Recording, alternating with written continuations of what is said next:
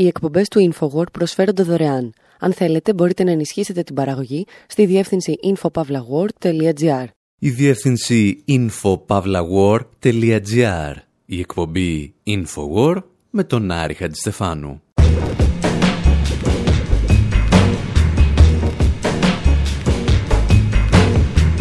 Όπου σήμερα ξεφυλίζουμε το τελευταίο τεύχος του περιοδικού Ουτοπία με ένα μεγάλο αφιέρωμα στον Ισπανικό εμφύλιο και εμείς δίνουμε τις σκέψεις μας με μουσικές και τραγούδια.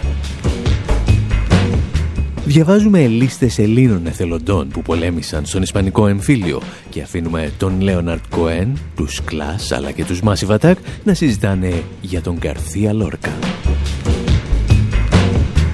Παρά τις προσπάθειές μας πάντως δεν φτάνουμε ποτέ στην Κόρντοβα, παρά μόνο σαν νεκροί καβαλάριδες.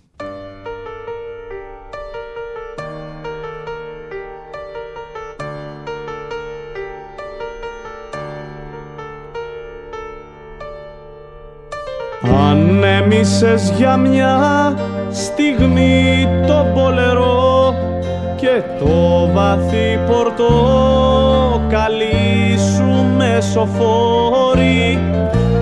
Αύγουστος ήτανε, δεν ήτανε θαρό. Τότε που φεύγανε μπουλούκια οι σταυροφόροι.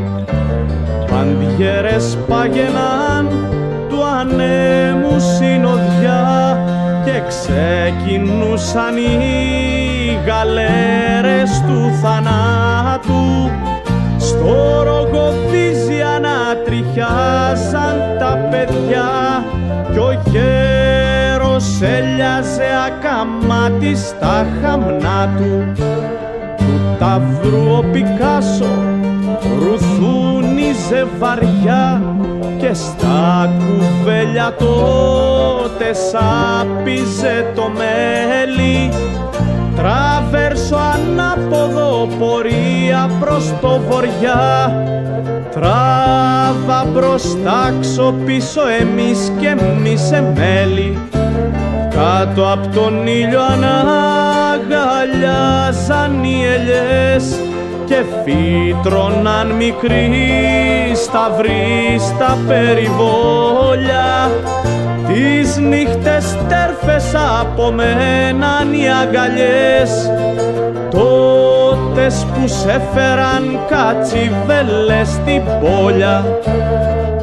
Ατσίγκανε κι αφέντη μου με τι να σε στολίσω; Φέρτε το μαυριτάνικο σκουτί το πορφυρό.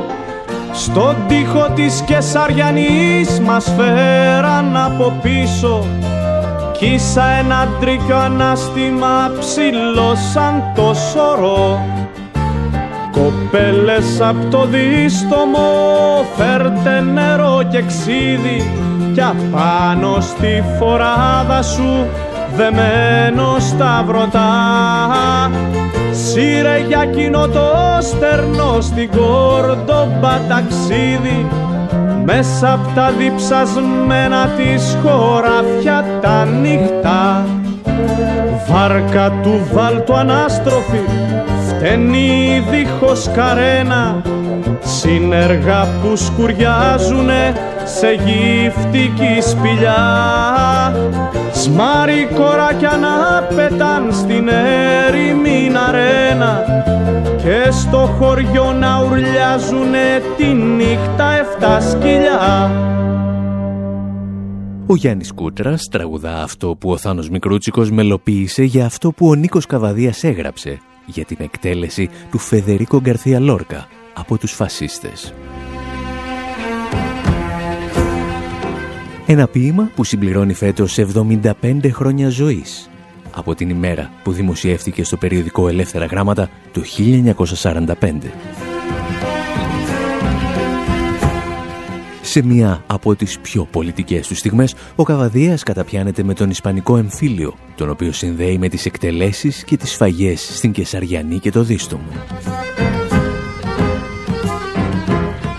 Σύμφωνα μάλιστα με ορισμένους αναλυτές του ποίηματος, ο Καβαδίας αποτεί και ένα μικρό φόρο τιμής στους Έλληνες εθελοντές που πολέμησαν στον Ισπανικό εμφύλιο και συγκεκριμένα στους Έλληνες ναυτεργάτες. Και αυτή ακριβώς την υποψία θυμηθήκαμε όταν διαβάσαμε αυτές τις ημέρες τη λίστα με τα 255 ονόματα εθελοντών που παρουσιάζει ο Νίκος Παπαδάτος στο περιοδικό Ουτοπία. Ξεκινά έτσι το μεγάλο αφιέρωμα στον Ισπανικό εμφύλιο. 255 ονόματα κομμουνιστών από τις διεθνείς ταξιαρχίες, τα οποία περιλαμβάνονται όπως εξηγεί στα αρχεία κοινωνικής και πολιτικής ιστορίας της Ρωσίας. Γιατί τα περισσότερα ονόματα των Ελλήνων αναρχικών αλλά και των τροτσκιστών που συμμετείχαν στις μάχες είναι πολύ πιο δύσκολο να συγκεντρωθούν και να καταγραφούν. Για την ιστορία πάντως, να πούμε ότι στο τεύχος της ουτοπίας που μας ενέπνευσε για αυτήν εδώ την εκπομπή υπάρχουν ξεχωριστά κεφάλαια τόσο για τους αναρχικούς όσο και για τους τροτσκιστές που πολέμησαν και πέθαναν στην Ισπανία.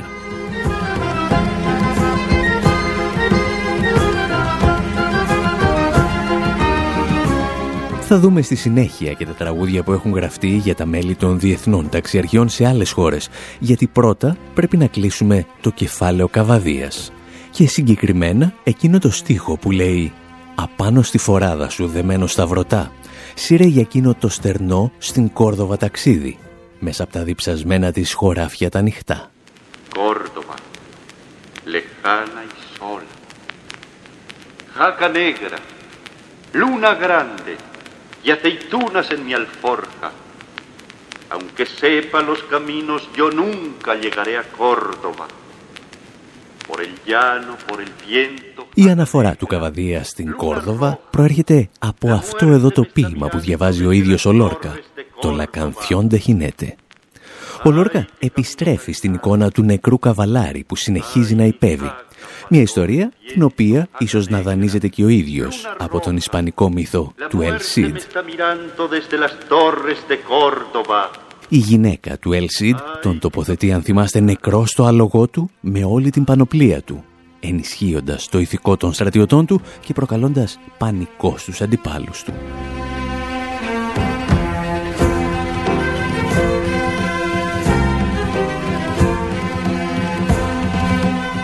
Ο Καβαδίας είναι ένας από τους εκατοντάδες δημιουργούς που θα εμπνευστούν από την εκτέλεση του Λόρκα στον Ισπανικό εμφύλιο, χωρίς όμως να κάνουν σαφείς αναφορές στο ίδιο το ιστορικό γεγονός.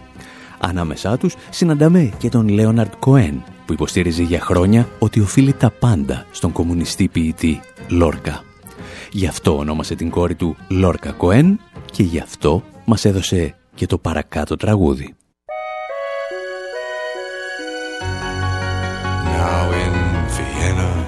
There's ten pretty women. There's a shoulder where death comes to cry. There's a lobby with 900 windows. There's a tree where the doves go to die. There's a piece that was torn from the morning, and it hangs in the gallery of frost.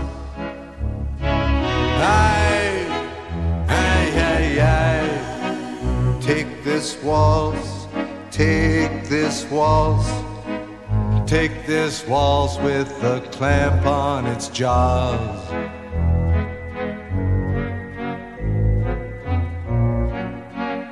Oh, I want you, I want you, I want you.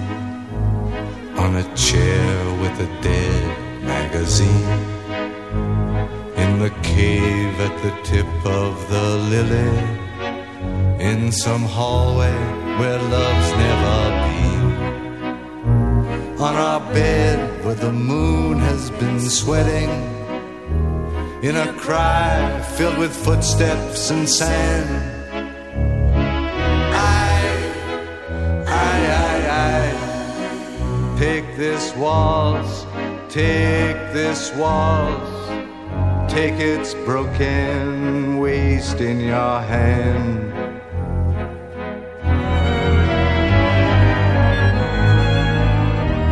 This waltz this waltz, this waltz, this waltz with its very own breath of brandy and death, dragging its tail in the sea.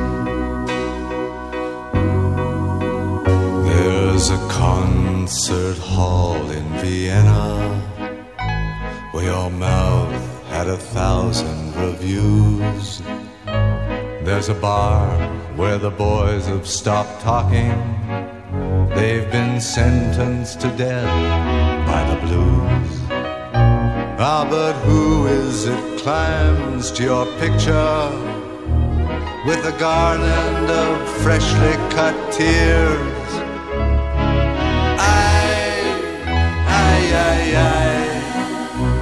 This waltz, take this waltz. Take this waltz, it's been dying for years. Ο Κοέν αποδίδει με αρκετή ελευθερία το ποίημα του Λόρκα «Πεκένιο Βάλς Βιενές», το μικρό βιενέζικο βάλς, το οποίο κουβαλά τη δική του καταραμένη ιστορία. Ο Λόρκα θα το γράψει κατά τη διάρκεια της επίσκεψής του στη Νέα Υόρκη το 1929, όταν θα βιώσει από κοντά τις επιπτώσεις του χρηματιστηριακού κράχ στη Wall Street. October 29th, 1929. Black Tuesday.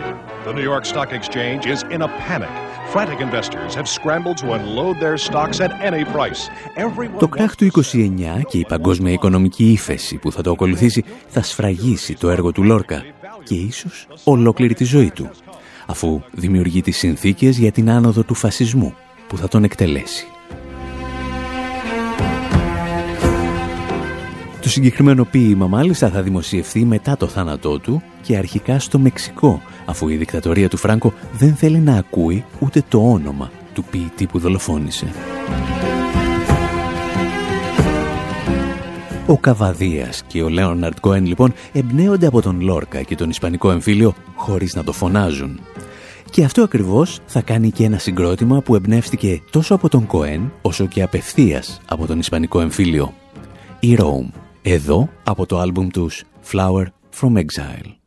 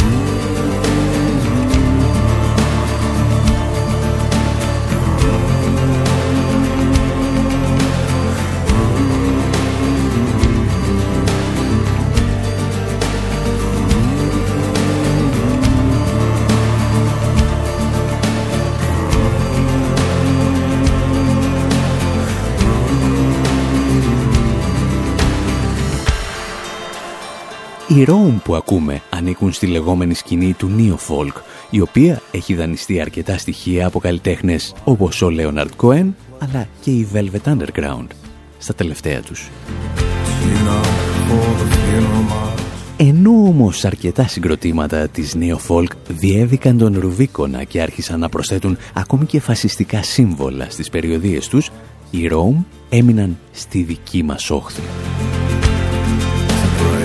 Η οικογένεια του τραγουδιστή Γερόμ Ρόιτερ λέγεται ότι συμμετείχε στον Ισπανικό εμφύλιο και αυτός δίνει το άλμπουμ Flower from Exile με φωτογραφίες από τις δυνάμεις του Δημοκρατικού Στρατού.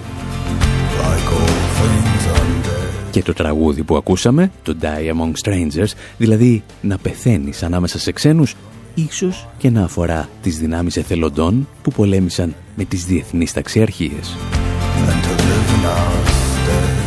Ευτυχώς για εμάς, πολύ πιο ξεκάθαρα είναι τα πράγματα στα τραγούδια των Κλάς για τον Ισπανικό εμφύλιο και για τον Λόρκα. Ή τουλάχιστον έτσι θέλαμε να πιστεύουμε.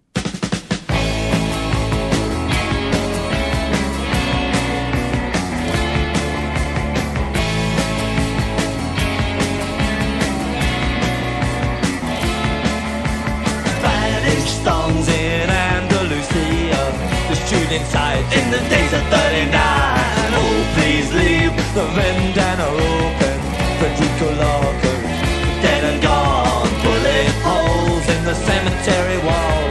The black car of the guardian of the beer. Vanished bombs on the Costa Rica. I'm dying in on a DC-10 tonight. Vanished bombs. Yo te quiero infinito. Yo te quiero, oh my song. Vanished bombs. Yo te quiero infinito. just a quitter. Oh my all Spanish weeks in my disco casino. The freedom fighters died up on the hill. They wore the black one after they died. It was Mockingbird Hill. Back from the buses, went up in flashes. The Irish too, drenched in blood. Spanish bombs shattered the hotels. My senoritas, was in the bar infinito. Yo te quiero, oh my corazón. Spanish bombs, yo te quiero infinito. Yo te quiero, oh my corazón.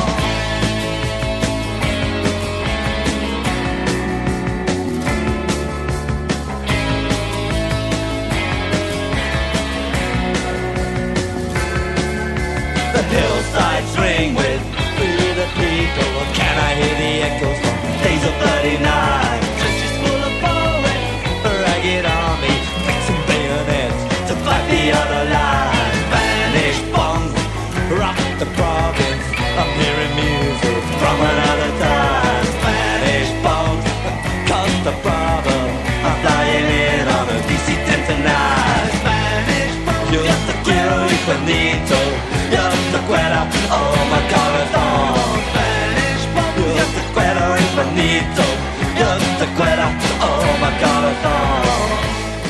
Ο Τζο Στράμερ είναι σαφέστατος σε όσα έχει να πει για τον Ισπανικό εμφύλιο και την εκτέλεση του Λόρκα. Εκεί όμως που οι περισσότεροι μπερδεύονται είναι στο πώς καταφέρνει να συνδέσει αυτή την ιστορία με το σήμερα ή τουλάχιστον με τη δεκαετία του 80 για την οποία έγραφε.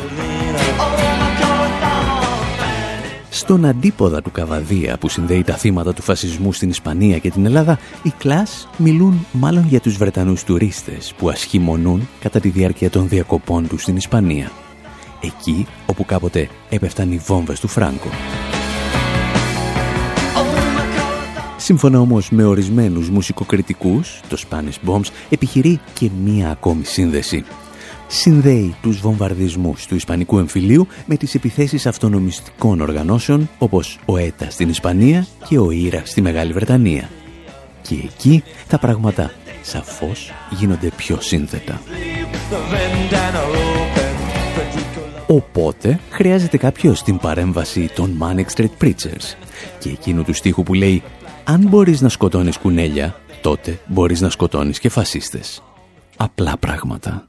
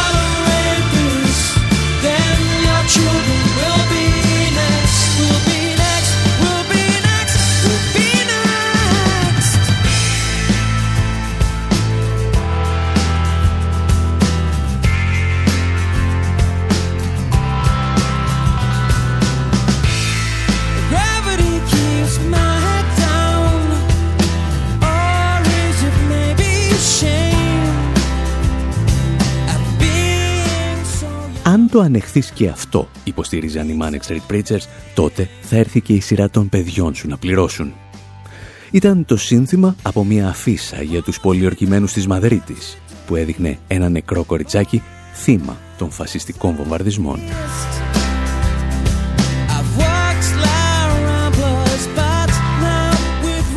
Οι Manic Street Preachers δήλωναν ότι έχουν εμπνευστεί το τραγούδι τους εν μέρη από το Spanish Bombs, τον Clash αλλά όχι μόνο. Η φράση «Αν μπορώ να σκοτώνω κουνέλια, μπορώ να σκοτώνω και φασίστες» αποδίδεται σε έναν Βρετανό εθελοντή που πολέμησε με τις διεθνείς ταξιαρχίες. Έχει καταγραφεί μάλιστα στο βιβλίο του Βρετανού ιστορικού και πολιτικού Haywell Francis για το ρόλο των Βρετανών ανθρακορίχων στον Ισπανικό εμφύλιο.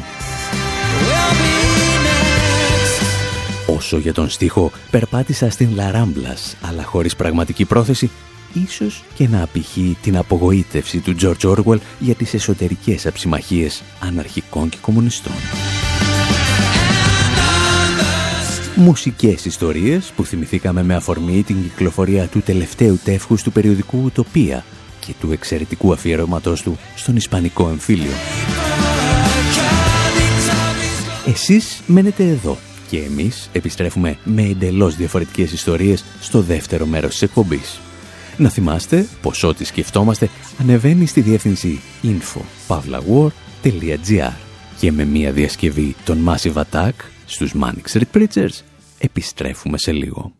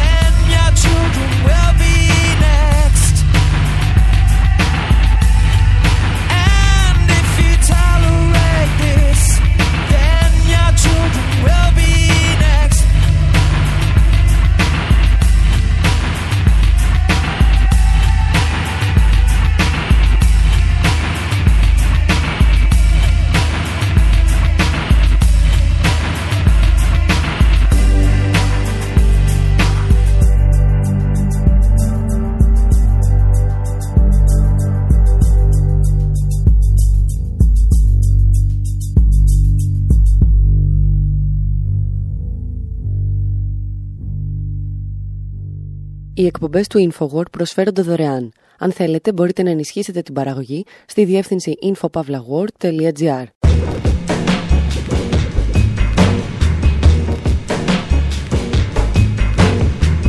όπου σήμερα παρακολουθούμε την πτώση και την άνοδο των βάσεων, των στρατιωτικών βάσεων. Αναρωτιόμαστε εάν το να φιλοξενεί στον Αμερικανικό στρατό σε κάνει α συνένοχο στα εγκλήματά του, β κατεχόμενη χώρα ή γ και τα δύο προηγούμενα. Αναρωτιόμαστε αν έχει υπάρξει άλλη αυτοκρατορία στην ιστορία της ανθρωπότητας που να διέθετε τόσες στρατιωτικές βάσεις και αν είναι σωστό τέσσερις Αμερικανοί πεζοναύτες να βιάζουν ταυτόχρονα ένα 12χρονο κοριτσάκι.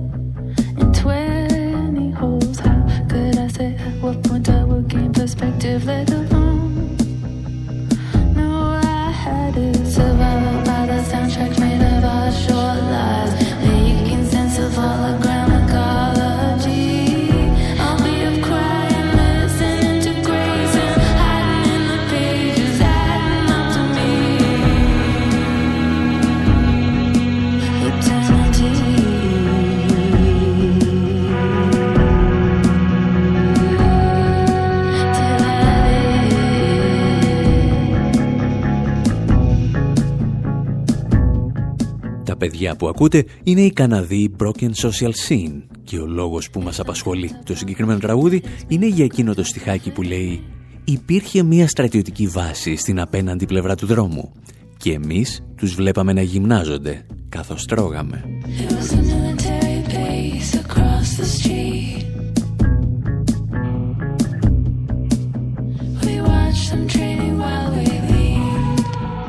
Εάν τώρα τυχαίνει και εσείς να βλέπετε μια ξένη στρατιωτική βάση από το παράθυρό σας, να ξέρετε ότι κατά 95% ανήκει στον Αμερικανικό στρατό. Γιατί όλες οι υπόλοιπες χώρες του πλανήτη έχουν αθρηστικά 30 βάσεις έξω από το έδαφος τους, ενώ οι Ηνωμένες Πολιτείες έχουν 800. Δυστυχώς, οι στρατιωτικές βάσεις σε ξένο έδαφος είναι μια ελληνική επινόηση και πρώτος μίλησε για αυτές ο Θουκυδίδης. Ύστερα βέβαια ήρθαν οι Ρωμαίοι και έτσι όλοι γνωρίσαμε μεταξύ άλλων τα οχυρά στρατόπεδα του Πέτιμπονουμ, του Ακουάριουμ, του Λάβδανουμ και του Μπαμπάουρουμ. Στα πρώτα χρόνια της ευρωπαϊκής απεικιοκρατίας αρχίζουν να στείνονται βάσεις σε ολόκληρο τον πλανήτη η ανθρωπότητα όμως θα πρέπει να περιμένει τους δύο παγκόσμιους πολέμους του 20ου αιώνα για να γνωρίσει το σημερινό νομικό καθεστώς των στρατιωτικών βάσεων. Χαρακτηρίζονται de facto κυρίαρχες, αλλά φυσικά δεν αποτελούν κράτος. Συνήθως μάλιστα βρίσκονται μέσα σε ένα άλλο κράτος που έχει την ψευδέστηση ότι είναι κυρίαρχο.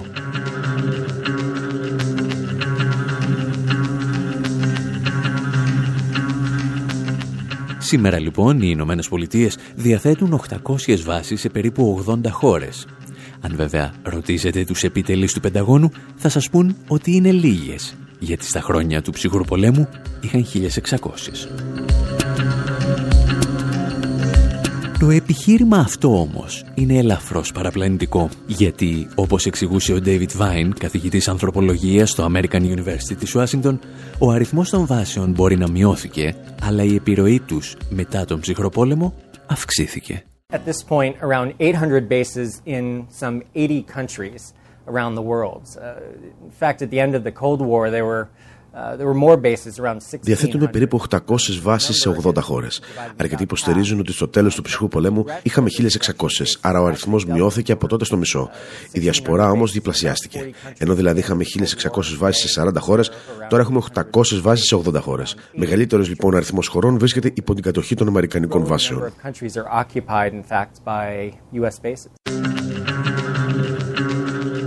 Ο Βάιν δεν είναι ένας τυχαίος πανεπιστημιακός που ασχολείται με τις αμερικανικές βάσεις. Είναι ο απόλυτος κυνηγός των στρατιωτικών εγκαταστάσεων του Πενταγώνου. Τα τελευταία 15 χρόνια της ζωής του συλλέγει πληροφορίες για τις αμερικανικές βάσεις και το αποτέλεσμα κυκλοφόρησε με τη μορφή βιβλίου που ακούει στο όνομα Base Nation. Uh, these are bases that are giant city-sized bases, uh, sometimes called American towns, uh, that, that look like small Υπάρχουν γιγαντιές βάσεις στο μέγεθος πόλεων, τις οποίες αποκαλούν Αμερικανικές πόλεις. Ξεφυτρώνουν σε ξένες χώρες και φιλοξενούν δεκάδες χιλιάδες στρατιώτες και τα μέλη της οικογένειάς τους. Έχουν φασφουντάδικα, σχολεία, νοσοκομεία και ούτω καθεξής. Στο άλλο άκρο έχουμε τα λεγόμενα νούφαρα, τα lily pads, τα οποία φιλοξενούν το πολύ 200 με 300 άτομα ή εργολάβου του Πενταγώνου. Συχνά αυτές οι βάσεις έχουν drones ή ειδικές δυνάμεις και ξεφυτρώνουν σε σημεία του πλανήτη όπου οι ΗΠΑ δεν είχαν στρατιωτική παρουσία. Τώρα βρίσκουμε τουλάχιστον 60 τέτοιες βάσεις στην Αφρική, αλλά και στην κεντρική και ανατολική Ευρώπη, την Ασία ή ακόμα και τη Λατινική Αμερική. and as far off as Central America. Here's my rifle, this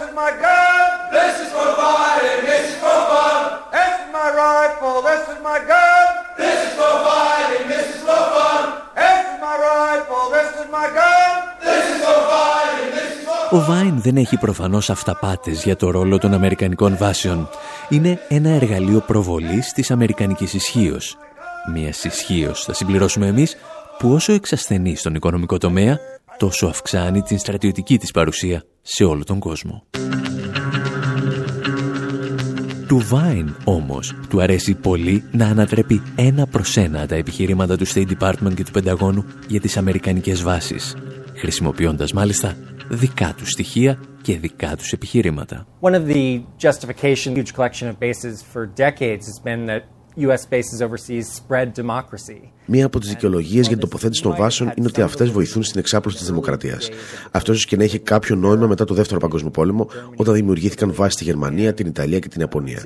Σήμερα όμως έχουμε βάσεις σε τουλάχιστον 30 χώρες, οι οποίες έχουν μη δημοκρατικά ή δικτατορικά καθεστώτα. Αυτές οι βάσεις όχι μόνο στερίζουν τα καθεστώτα, αλλά συχνά τα βοηθούν να δημιουργηθούν και μπλοκάρουν την ανάπτυξη δημοκρατικών κινημάτων. Αυτό συμβαίνει παραδείγματος χάρη στον Περσικό κόλπο, όπου υπάρχουν Αμερικανικές βάσεις σε όλες τις χώρες εκτός από το Ιράν και την Ιεμένη.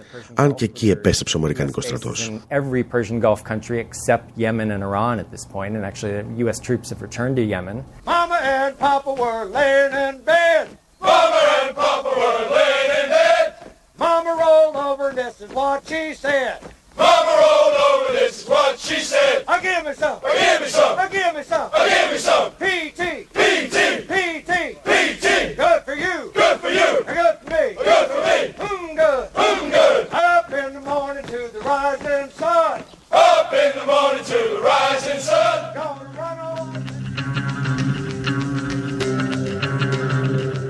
Ο David Vine που ακούμε όλη αυτή την ώρα ανήκει σε μια μεγάλη σχολή προοδευτικών πανεπιστημιακών στις Ηνωμένες Πολιτείες. Όταν όμως δίνει τις μάχες του για τις αμερικανικές βάσεις, του αρέσει να μιλά τη γλώσσα του αντιπάλου του. Δεν στέγεται στα ανθρωπιστικά επιχειρήματα μόνο. Οι βάσεις δηλαδή είναι κακές γιατί σχετίζονται με το θάνατο εκατομμυρίων ανθρώπων και ούτω καθεξής. Οι βάσεις, λέει ο David Vine, είναι άχρηστες. Είναι ένα κατάλοιπο του ψυχροπολέμου γιατί σήμερα οι Ηνωμένες Πολιτείες μπορούν να κινητοποιήσουν τις δυνάμεις τους από οποιοδήποτε σημείο του πλανήτη σε διάστημα λίγων ώρων. Εκτός λοιπόν από την προβολή της Αμερικανικής ισχύως, πρέπει να υπάρχει και ένας άλλος λόγος για τον οποίο η Ουάσιγκτον δεν μειώνει τον αριθμό των βάσεων. Και αυτός, εξηγεί ο Βάιν, είναι ότι πίσω τους έχει στηθεί μια μπίζνα με ετήσιο τζίρο 160 δισεκατομμυρίων δολαρίων there are, of course, also tremendous amounts of money that these bases generate in the form of Αυτές οι βάσεις προσφέρουν τεράστια έσοδα σε εργολάβους του στρατού που κερδίζουν δεκάδες δισεκατομμύρια δολάρια κάθε χρόνο. Ενώ λοιπόν το να έχεις τόσες πολλές βάσεις είναι μια παροχημένη αντίληψη στρατηγικής του ψυχρού πολέμου, σήμερα δημιουργείται ένα σύστημα που τροφοδοτεί τον εαυτό του. Αποκτά τη δική του ζωή. Ακόμη λοιπόν και όταν οι βάσεις δεν έχουν λόγο ύπαρξης, παραμένουν στη θέση τους. military function, uh, they remain in place. Ο David Vine, τον οποίο τόση ώρα ακούμε να μιλά στο δημοσιογράφο Regis Tramley, είναι Αμερικανός και το βιβλίο του εξηγεί με εξαιρετικό τρόπο γιατί οι βάσεις είναι καταστροφικές και για τις Ηνωμένες Πολιτείες. Τι γίνεται όμως αν βρίσκεσαι στην άλλη πλευρά της εξίσωσης, αν είσαι δηλαδή το γεωπολιτικό προτεκτοράτο που καλείται να φιλοξενήσει τις Αμερικανικές βάσεις; Για αυτούς τους κακόμοιρους με τις ψευδεστήσεις γεωπολιτικού μεγαλείου θα μιλήσουμε σε λίγο.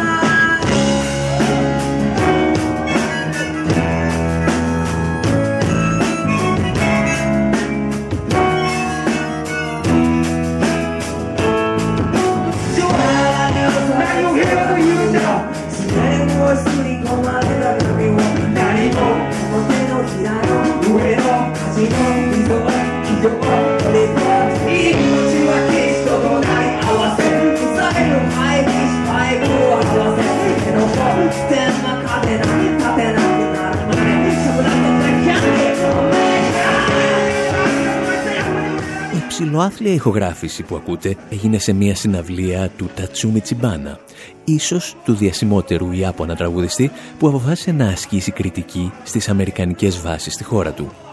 Και στη χώρα του υπάρχουν 112 βάσεις με 40.000 στρατιώτες. Ο Τσιμπάνα έγραψε το συγκεκριμένο τραγούδι όταν ένα στρατιωτικό ελικόπτερο από τη βάση στην Οκινάουα ξέφυγε από την πορεία του και συνετρίβει στο πανεπιστήμιο της πόλης. Μια ιστορία που παρακολουθούσε από παλιά η σειρά ντοκιμαντέρ Journeyman.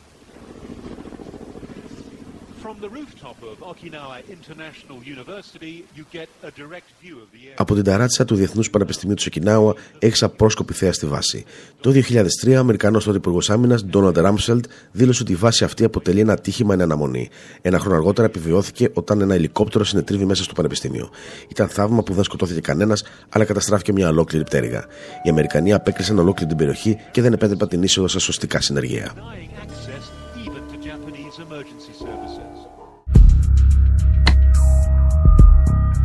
Όσο παράδοξο και αν ακούγεται, η συντριβή ενός ελικοπτέρου στο Πανεπιστήμιο δεν ήταν το μεγαλύτερο πρόβλημα των κατοίκων της Οκινάουα. Πιο πολύ φάνηκε να τους απασχολεί το γεγονός ότι οι Αμερικανοί πεζοναύτες έβγαιναν από τη βάση και βίαζαν 12χρονα κοριτσάκια.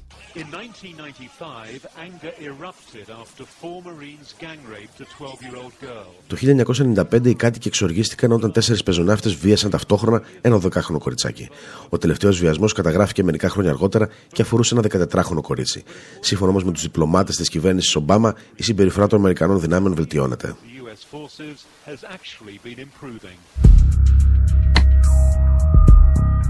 Ο βιασμός κοριτσιών δηλαδή, σύμφωνα με την κυβέρνηση Ομπάμα, ήταν η βελτιωμένη εκδοχή της συμπεριφοράς των Αμερικανών στρατιωτών.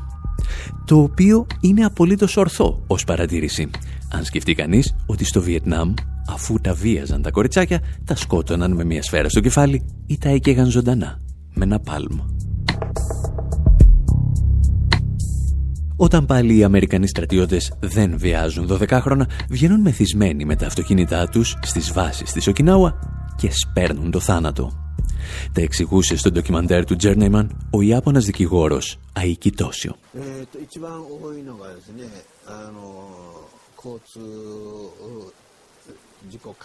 Τα πιο συχνά περιστατικά είναι τροχαία δυστυχήματα. Τα περισσότερα τα προκαλούν στρατιώτες που οδηγούν μεθυσμένοι. Πολλές φορές εγκαταλείπουν τα θύματά τους τα οποία πεθαίνουν στον δρόμο. Πέρα από αυτά όμως έχουμε και πολλές επιθέσεις σεξουαλικού περιεχομένου σε γυναίκες.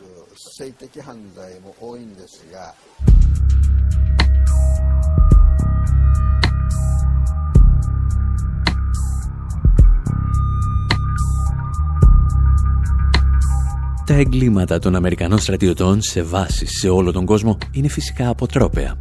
Για να είμαστε όμως ρεαλιστές, αυτό δεν είναι το μεγαλύτερο πρόβλημα που αντιμετωπίζουν οι χώρες που φιλοξενούν στρατιωτικές βάσεις. Σύμφωνα με τον David Vine, το μεγαλύτερο πρόβλημα είναι ότι οι βάσεις οδηγούν σε γεωπολιτική αστάθεια και κούρσα εξοπλισμών. In my mind, these are incredibly dangerous moves, especially the efforts to Πιστεύω ότι πρόκειται για ιδιαίτερα επικίνδυνες κινήσεις, ειδικά η αύξηση του αριθμού των βάσεων γύρω από την Κίνα και τη Ρωσία.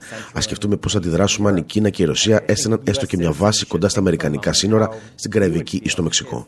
Θα ξοδεύαμε αυτομάτως τεράστια ποσά για την άμυνα και τη δημιουργία αμυντικών συστημάτων. Γιατί λοιπόν να μην το κάνει και η Κίνα και η Ρωσία;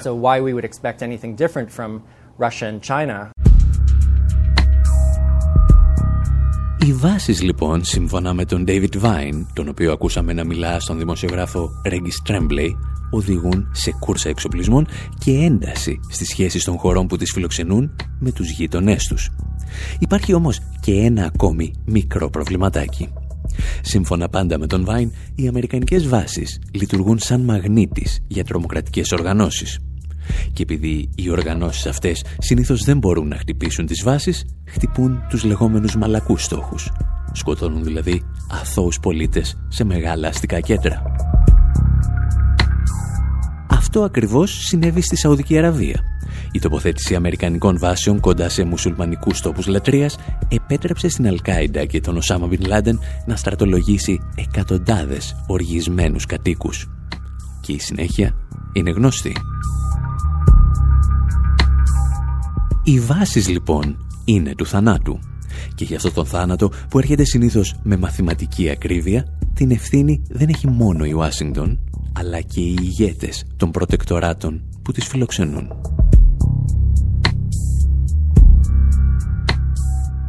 Μέχρι πάντως την επόμενη εβδομάδα, από τον Άρη Χατζηστεφάνου στο μικρόφωνο, τον Αντρέα Κοσιάρη στις μεταφράσεις και τον Δημήτρη Σταθόπουλο στην Γενική Τεχνική Επιμέλεια, γεια σας και χαρά σας.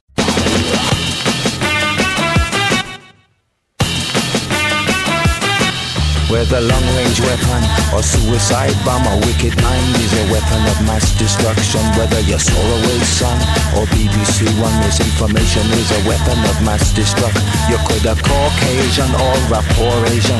Racism is a weapon of mass destruction. Whether inflation or globalization, fear is a weapon of mass destruction. My dad came into my room holding his hat.